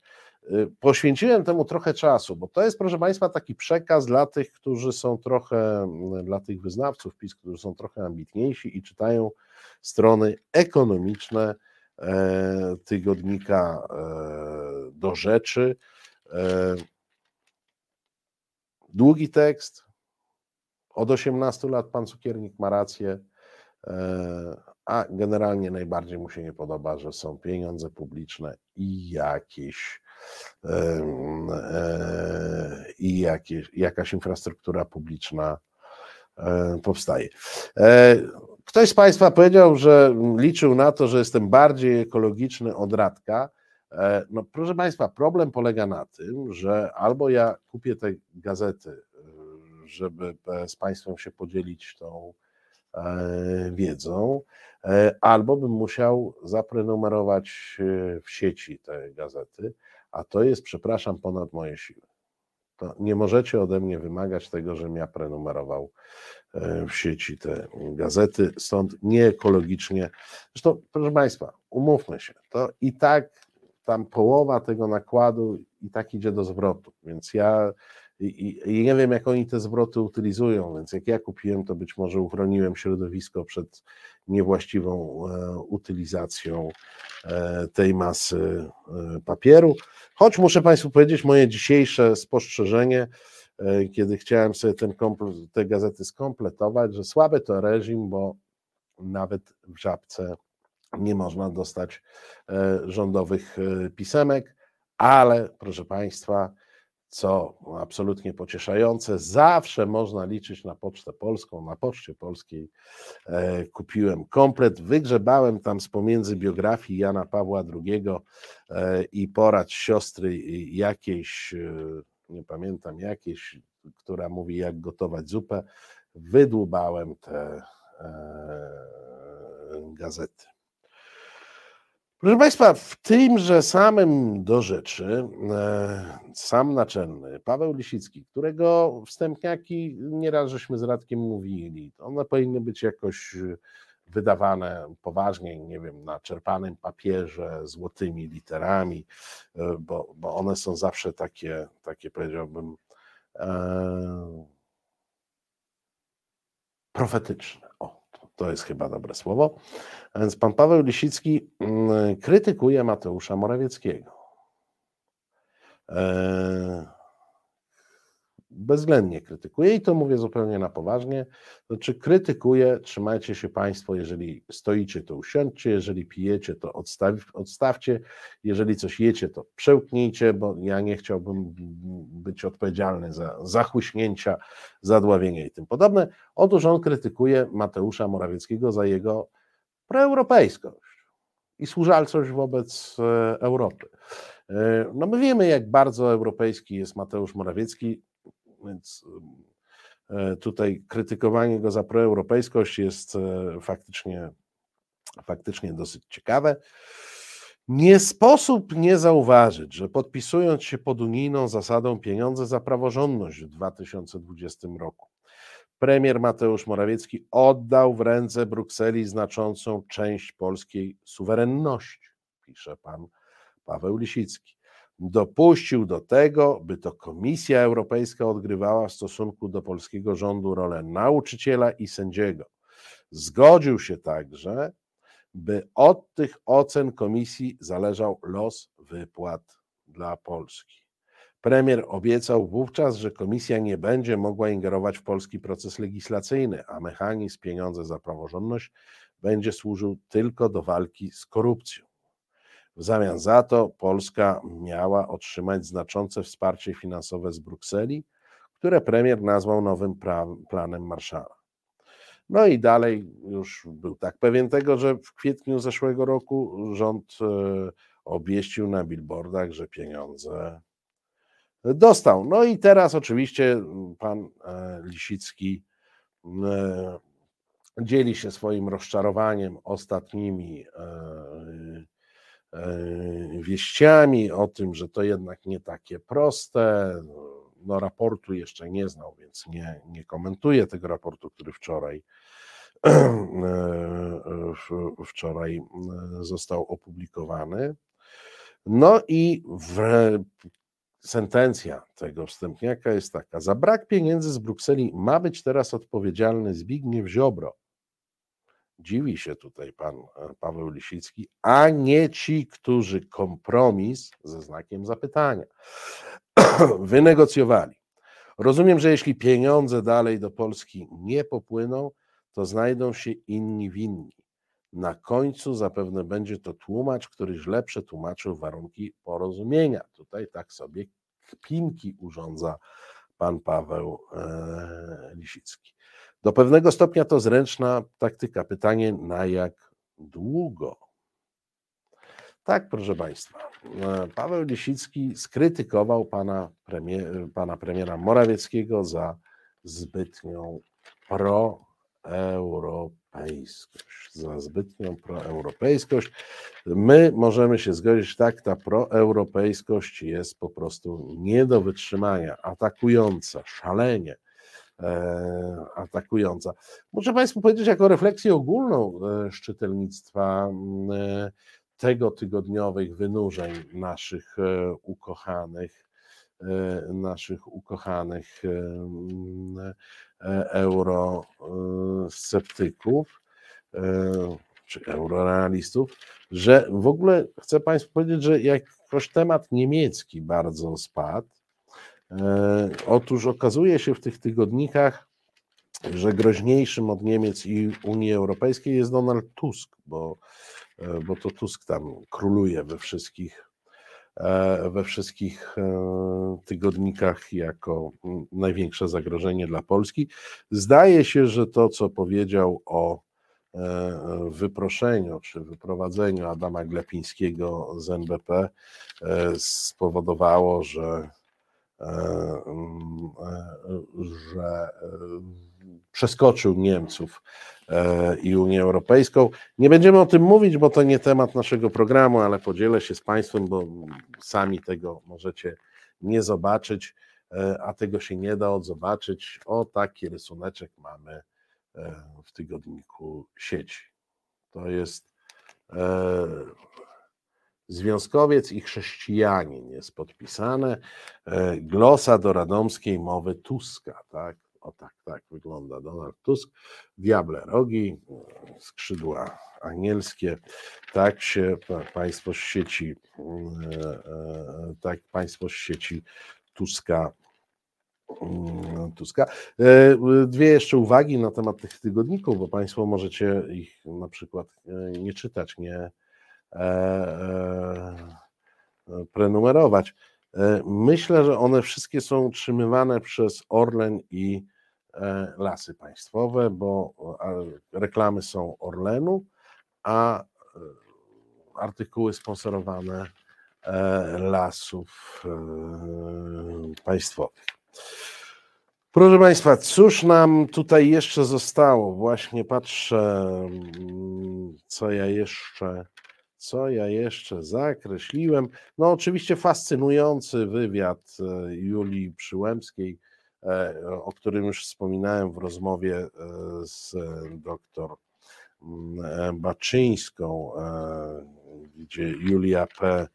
braciom Karnowskim opowiada, jak bardzo jest niezależna. Nie, nie będę nawet Państwu czytował. Jeżeli umiecie sobie wyobrazić takiego najbardziej niezależnego sędziego, to właśnie jest Julia P. Tak wynika z tej mm, rozmowy. Proszę Państwa, zawsze można liczyć na Marcina Wolskiego. Nie wiem, czy pamiętacie. To jest taki facet, który 40 lat temu potrafił być dowcipny, a potem mu przeszło. E, nie bardzo wiadomo, dlaczego był dowcipny i nie bardzo wiadomo, dlaczego mu przeszło. W tej chwili mm, pisze felietony e, w gazecie polskiej. Mm, e, i pisze tak. Teraz powiedzcie Państwo, jakiej władzy on może pisać. To konkurs dla Państwa będzie szybki. Władza, której nie wystarcza sam autorytet, gwałtownie usiłuje podeprzeć go zagrożeniem represjami. Nagle ludzie, instytucje lub, lub tylko same idee zostają wyjęte spod wszelkiej krytyki i następnym stadium może być już czysty kult. Co ciekawe, tendencja taka pojawia się w momencie, gdy władza, E, bo zawsze chodzi o władzę, zaczyna czuć się pewnie. O jakiej władzy, jaką władzę, którą znacie, można by było opisać tymi słowami, to szybki e, konkurs dla Państwa. Ja zawieszam głos, żebyście, e, żebyście mieli możliwość odpowiedzenia jaką władzę pan Marcin Wolski w ten sposób e, opisał. Bo może znacie taką władzę gdzieś w okolicy e, i moglibyście, e, i, i moglibyście powiedzieć, która to władza jest. Czy pan Wolski, czy pan Wolski opisał jakąś polską władzę, czy jakąś jakąś inną. Pan Grzegorz pisze, że zapewne PiS. Ja, proszę Państwa, także w pierwszym e, momencie uznałem, że Marcin Wolski przypuścił bezpardonowy, odważny e, atak na e, rządy Prawa i Sprawiedliwości i że wziął się za nich i teraz będzie przeszkadzał, a nie pomagał. Ale nie, proszę Państwa. Tu pan Paweł ma rację. Panie Pawle, ja pana podejrzewam, że pan to czyta a może nawet jest pan prenumeratorem Gazety Polskiej, tak? Bo to tylko wtajemniczeni mogą wiedzieć. Tak, proszę Państwa, chodzi o Unię Europejską. E, pan Wolski pisze dalej. Zastanawiam się, jakie będą skutki kolejnego idiotyzmu wykluwającego się w Unii Europejskiej, polegającego na zakazie krytyki gender. Jak wiadomo, ta paranauka jest jedną z najgorszych bredni, jakie zrodziły się w lewackich umysłach. Jak, muszę Państwu powiedzieć, że ja nieustająco e, kocham te, te ich, e, te, te, te ich takie emocjonalne zbitki, bo posłuchajcie, to, to jest jak poezja, to nie jest proza. E, to jest, e, to jest poezja. Jak wiadomo, ta paranauka jest jedną z najgorszych bredni, jakie zrodziły się w lewackich umysłach. Słyszycie, słyszycie tę melodię? Naprawdę. No, no po prostu włos się jeży, ciarki przechodzą, jak, jak człowiek ma taką zbitkę. Zobaczcie, ile tam jest tych określeń w jednym krótkim zdaniu. Macie same, w zasadzie same określenia. Mm, krzewiąc banialuki na temat płci, Walczy się ze zdrowym rozsądkiem i podkopuje filary, na których opierała się ludzkość. A to już tak fundamentalnie poszło. Jakbym słyszał dzwon Zygmunta bijący na trwogę, a, a może nawet wszystkie dzwony kościelne Europy Środkowej, ba, całej Unii Europejskiej. Jest, jest taki patos w tym. Przecież to, e, proszę Państwa, no, no mówię, mnie porusza, nie wiem jak Państwa. No tutaj e, pana, e, pana Pawła, który odgadł albo wiedział, którego zdemaskowałem jako prenumeratora, no to, to chyba też go to, też go to rusza. Ale stało się Ktoś uznał teorię dziesiątek płci i możliwości ich dowolnego wyboru za naukę i błyskawicznie, jak wyjątkowo złośliwy nowotwór. E, e, zalała ona uczelnie i kampusy uniwersyteckie. W nawiasie, pan Marcin Wolski, co do którego, z tego co wiem, to nie jest doktorem, więc tu można by go było posądzić o pewną zazdrość, pisze: Najłatwiej robi się doktoraty o czymś, czego nie ma. Może to jakiś kompleks niedoktora wychodzi. To jednak nie wystarczyło. Wyznawcy i kapłani gender zażądali dla siebie wyjątkowej ochrony i potraktowania e, swoich mm, e, hipotez jako obowiązujących pewników. No i proszę Państwa, czas na wielki finał e, tego, e, tego aktu strzelistego, bo Marcin Wolski już nie pisze felietonów, już nie pisze tekstów. O dowcipach nie wspomnę, bo to 40 lat temu ostatni mu się udał. E, on pisze akty strzeliste. Czy dziś już znaleźliśmy się na prostej drodze do stosów dla myślących inaczej. Marzy mu się stos jakiś. W głowie rozbrzmiewa mi ostrzegawszy dzwonek.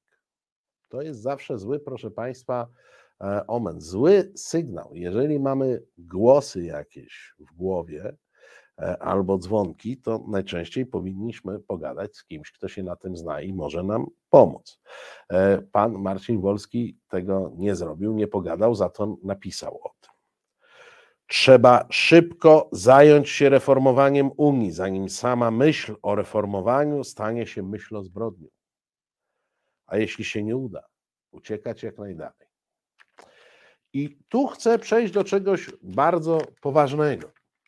Zobaczcie Państwo, Kantak reformuje Unię, Szydło chce reformować Unię, Kaczyński chce reformować Unię, Wolski chce reformować Unię, e, Dawid Wittstein też e, chce reformować e, Unię i jego ojciec też chce reformować Unię. Gdzieś tutaj jeszcze taki fragment miałem, jak zdążymy, to, to Państwu go podam. Marcin Wolski jeszcze pisze, że trzeba uciekać z tej Unii, jeśli się nie uda zreformować. To nie jest, proszę Państwa, przypadek. To jest nowy spin. To jest nowa e, narracja. E, w tej chwili PiS będzie reformował Unię. Ponieważ tej Unii nie, nie będzie mógł zreformować, no tak powiedzmy sobie e, uczciwie, e, to proszę Państwa, będzie z niej uciekał. No taka jest, e, taka jest prawda. Nie, nie, nie oszukujmy się. Nie oszukujmy się. E, będzie uciekał, e, będzie uciekał, tak jak nam tu Wolski to wypisuje. Gdybym miał polecać, proszę Państwa, ale nie będę polecał, to w Gazecie Polskiej jest niezawodny Richard, Richard, Richard Czarnecki ze swoim felietonem który ubolewa. Europarlament na jednej i tej samej sesji, jednego dnia, jednego popołudnia, najpierw debatował o decyzji Sądu Najwyższego Stanów Zjednoczonych w sprawie ochrony życia, wylewając na amerykańskich sędziów tony pomyj, aby potem zająć się z największą troską imigrantami, którzy giną na granicy Królestwa Maroka i Królestwa Hiszpanii. Wynikało z tego, że życie dzieciaków nienarodzonych jest zupełnie nieważne, a życie imigrantów spoza Europy bardzo cenne. To strasznie oburza Richarda, Richarda, Ryszard, Ryszara, właśnie tu ktoś proponuje Ryszara, nie mam pojęcia Czarneckiego. No, biedny, e, biedny chłop. No, co, co ja mam, co ja mam powiedzieć? No, jest oburzony. Nie? Kiedyś był taki pomysł e, na partię oburzonych. E, teraz mamy partię Mam Dość, która też jest partią e, oburzonych. Może Richard, on zresztą dosyć często zmieniał partię swego czasu, mm, e, to, e, to byłoby jakieś, e, to byłoby jakieś rozwiązanie, jakby on nową partię oburzonych. E, proszę Państwa, w Gazecie Polskiej jest też taki dział, najnowsze newsy i nie tylko mm, z obszaru Unii e, Europejskiej. No i na przykład jest taki news, podatek od kilometrów. Rząd Holandii chce, żeby kierowcy wszelkich pojazdów płacili za wszystkie przejechane kilometry.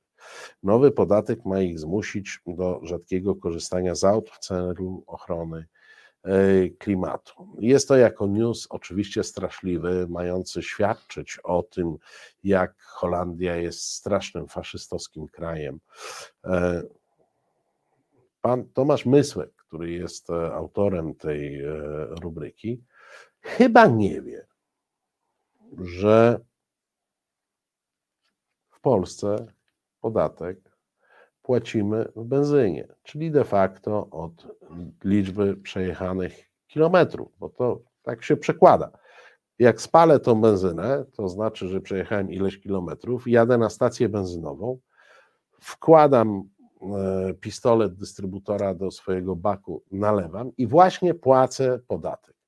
Jak myślicie, czy powinienem do pana Tomasza Mysułka e, napisać i mu powiedzieć, że w Polsce też mamy takie straszne świństwo, jak podatek, e, który de facto, choć pośrednio, jest płacony za wszystkie przejechane e, kilometry, czy oszczędzić mu tej wiedzy, e, żeby,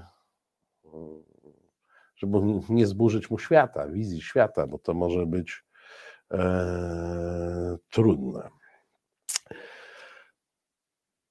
Proszę Państwa, kolejny Euronews. Holendrzy będą kupować, oni mają zresztą w tej chwili, wiecie, ze względu na to, te holenderskie e, rozruchy, to mają w tej chwili zakrętkę na Holandię. Przy żółtych kamizelkach to mieli zakrętkę na Francję. Więc Holendrzy będą kupować droższą rosyjską ropę z Indii.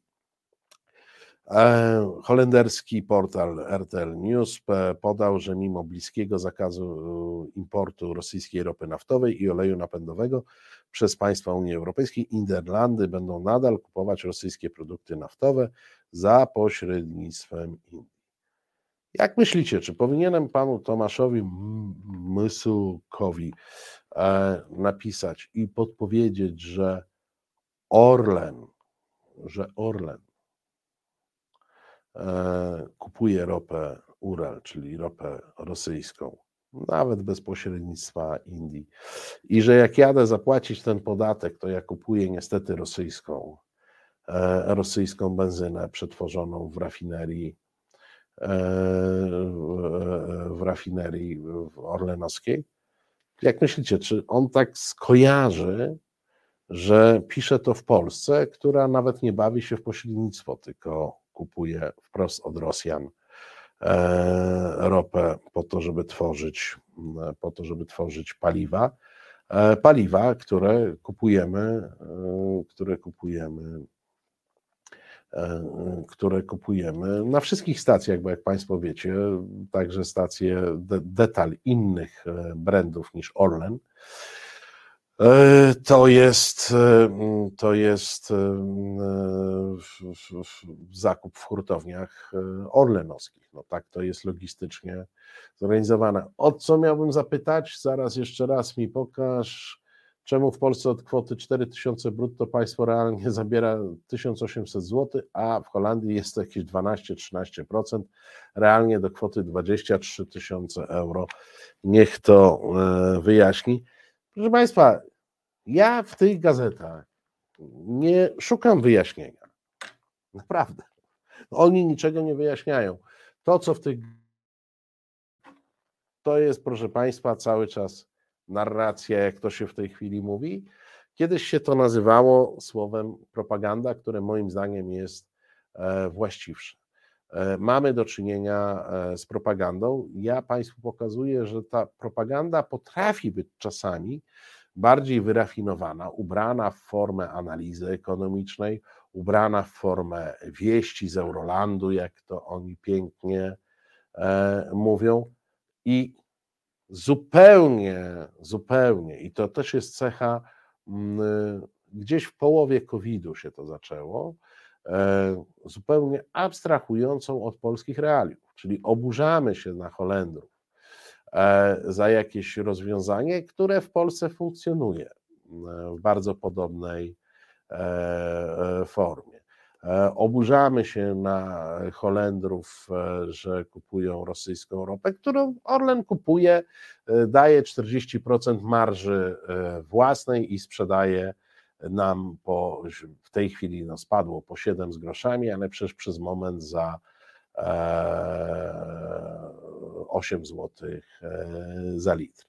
Moi drodzy, szybciutko, e, jeśli chodzi o polexitowca, polexitowca e, tygodnia. Ja mam w głowie dwie kandydatury. Pana Kantaka, który ma bardzo dużo do powiedzenia na temat raportu, i pani Beaty Szydło, która trochę mniej na temat tego raportu E, powiedziała, ale jest bardzo, ale to bardzo konsekwentną e, orędowniczką e, konfliktu z Unią Europejską i jest bardzo pracowita w tym względzie. Ja poproszę jeszcze raz tego tweeta Beaty Szydło, żebyśmy powiedzieli, jeden, jedni i drudzy, znaczy i Kantak i Szydło są bardzo zasłużeni, uważam, że Beatę Szydło e, poza tym tweetem, e, który był chyba pierwszym polskim komentarzem e, do raportu, to myślę, że poza tym tweetem jej się po prostu, że ją zacytuję, należy docenienie w naszych wyborach polexitowca e, miesiąca. I korzystając z tego, że Radek e, co najwyżej na czacie będzie e, próbował oponować, a w studio jestem sam i w głosowaniu będę, będę sam, proponuję, żeby za tę wypowiedź pani Beacie Szydło przyznać tytuł polexitówki tygodnia. A powiem Państwu jeszcze na koniec, że miała pewną konkurencję i ja się nad tym zastanawiałem, bo na przykład jest pan poseł Ast, też mamy pewną e, wypowiedź, którą zacytuję, ale moim zdaniem to pan poseł Ast nie ma takiej e, wagi. Poproszę screena z panem Astem. E, Marek Ast, pytany o raport Komisji Europejskiej, wyraził swoje zdziwienie tym, że takie stwierdzenia zostały w nim zawarte, skoro w Polsce byli przedstawiciele Komisji Europejskiej. To pokazuje złą wolę po stronie Komisji Europejskiej, jeśli tego rodzaju raport powstaje po wizytach przedstawicieli Komisji Europejskiej w Polsce, gdzie mogli na własne oczy przekonać się, że szereg zarzutów podnoszonych przez opozycję jest po prostu nieprawdziwa. Po czym pan poseł Ast opowiada, co jest nieprawdziwe. Nie ma w Polsce chociażby stref wolnych od LGBT.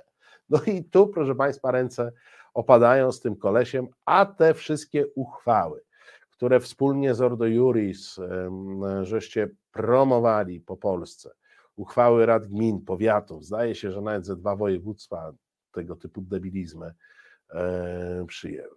Pan poseł Astmoj nie ma zagrożonej wolności słowa. No i tutaj się już uśmiałem jak norka e, zupełnie. Wydaje się, że wręcz dziennikarze cieszą się zdecydowanie większą swobodą niż w innych państwach europejskich. Ja mogę, proszę Państwa, potwierdzić. Dziennikarze się po prostu cieszą, tu kropka. Dziennikarze się cieszą, patrzą na pana Asta i się e, cieszą, patrzą na Jarosława Kaczyńskiego i się cieszą, tym się zajmują, proszę Państwa, dziennikarze, a przynajmniej ci pracownicy mediów, którzy dziennikarzami się nazywają i są w tych mediach, które pan Ast e, lubi. E, I mimo tego, że pan Ast jest człowiekiem głęboko zasłużonym w e, antyeuropejskich działaniach PiS, jako wielokrotny, że tak powiem, recydywista, sprawozdawca na przykład w Trybunale Konstytucyjnym, to proszę Państwa, ja się upieram arbitralnie, że Beata Szydło, jej się tytuł polexitówki tygodnia po prostu należy. Drodzy Państwo, kończę, bo tutaj zanim będzie ta wojna, e, która zabierze nam prawą stronę e, Wisły, o coś się martwi pani Paczuska, to, to będzie, to jest wojna. E, I Dominika Kasprowicz już w tej chwili rozgrzewa się przed programem. Ja Państwu bardzo serdecznie dziękuję za to dzisiejsze spotkanie. Dziękuję też Radkowi, który duchem i częściowo czatem był z nami. Za tydzień już na pewno w komplecie kolejny mm, e, program, e, kolejny program bez wyjścia w resecie e, obywatelskim. Już zaczyna Dominika. Kłaniam się Państwu nisko. Dziękuję Panu Tomaszowi Łuczakowi, dziękuję Angeli, Marcin Celiński. Do zobaczenia, do usłyszenia. Reset Obywatelski.